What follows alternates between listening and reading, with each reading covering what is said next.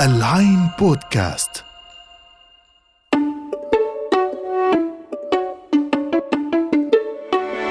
أهلا بيكم.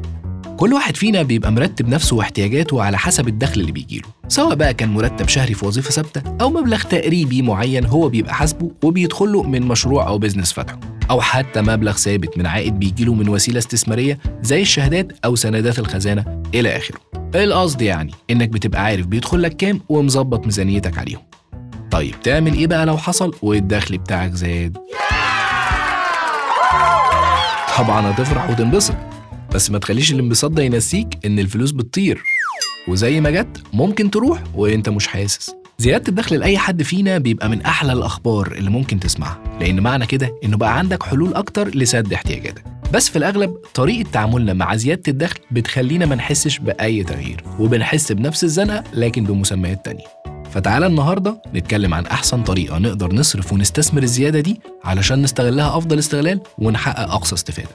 معاكم محمد كامل ودي حلقة جديدة من عرض وطلب من العين بودكاست.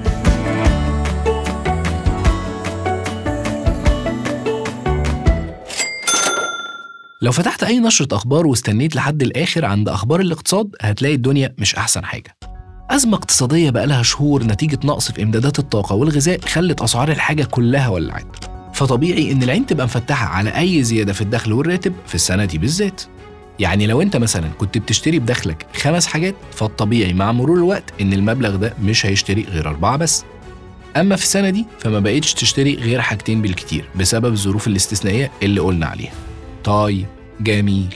لو انت بقى كنت من المحظوظين ودخلك زاد هتعمل إيه؟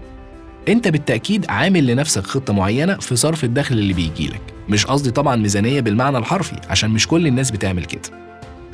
بس أكيد لا إراديا بتقسم دخلك لمجموعة مبالغ بتروح لسد احتياجاتك المختلفة. وخلاص مسستم نفسك على كده والدنيا ماشية. السؤال بقى هل لما تجيلك الزيادة هتكون متسرع وتوزعها على الاحتياجات دي وخلاص؟ وخصوصا يعني بند الفسح والخروجات؟ ولا هتفتح لها بنود جديدة تساعدك بشكل فعال أكتر؟ أنا كمحمد كامل بفضل الاختيار التاني. وعشان كده تعال نشوف ممكن نعمل إيه بالزيادة اللي ممكن تدخل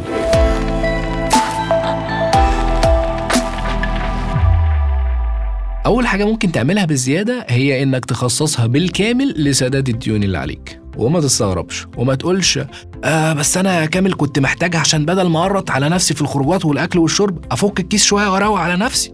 هقول لك اصبر شوية ومش ضروري دلوقتي. كمل زي ما أنت وهتحس بالفرق بعدين.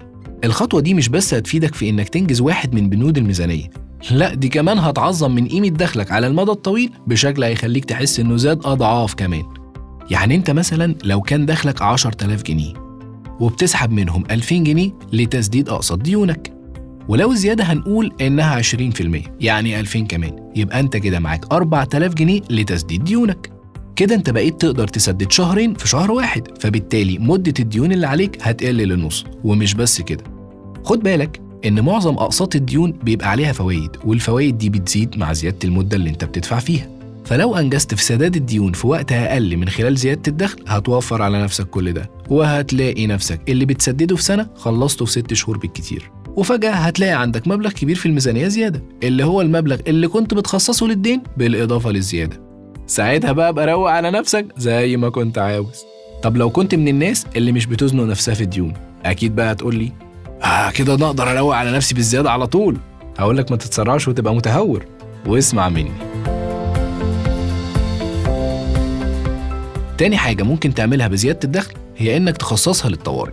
يعني لو كنت بتعمل ميزانية يبقى ضيف كده بند وسميه الطوارئ.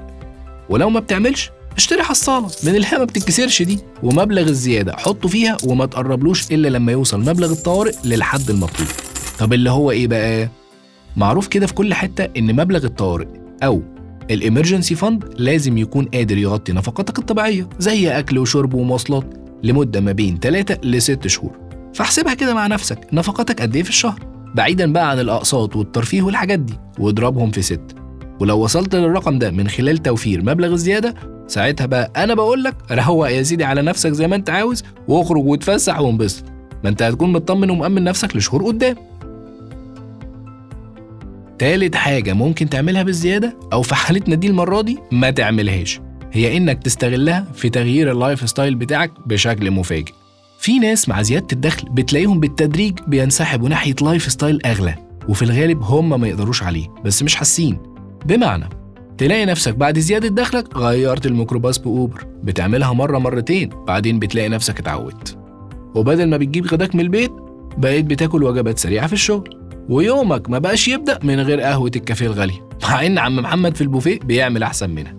عايز أقول لك إن التغيرات البسيطة في ال lifestyle دي بتسحبك بالتدريج. وقبل الزيادة ده ما كانش هيحصل لأن كنت ببساطة هتصطدم بحقيقة إن مفيش فلوس للكلام ده. إنما المرة دي طول ما جيبك فيه فلوس هتصرف ومش هتحس إنك بتعمل حاجة مضرة.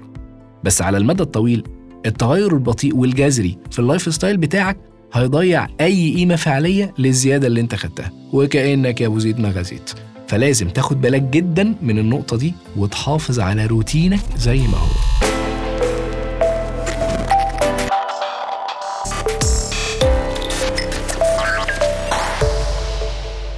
رابع حاجة تعملها بزيادة الدخل بتاعك هي إنك تدخرها للمعاش اللي هو التقاعد وبعد إذن كل شعارات الإعلانات اللي بتقولك عيش اللحظة وانبسط دلوقتي وما تفكرش في بكرة لا. سيبك من كل ده محدش هيفيدك بعدين.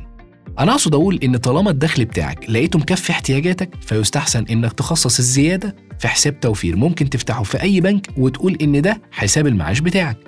وعلى فكرة في شركات تأمين كتير في الوقت الحالي بتعمل برامج استثمار أو توفير معروفة باسم برنامج المعاش أو التقاعد وبتناسب كل الميزانيات.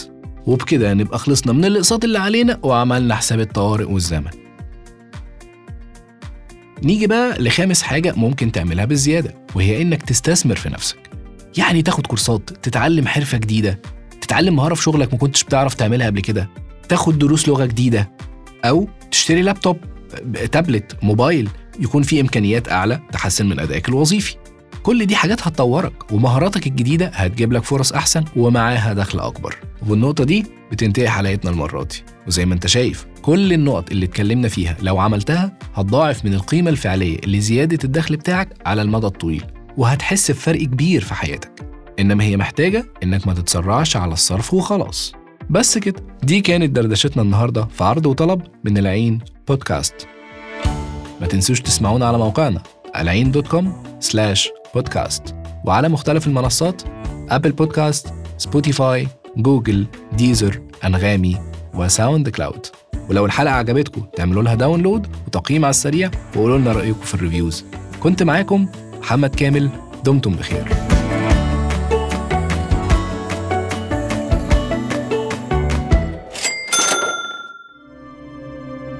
العين بودكاست تسمع لترى العالم.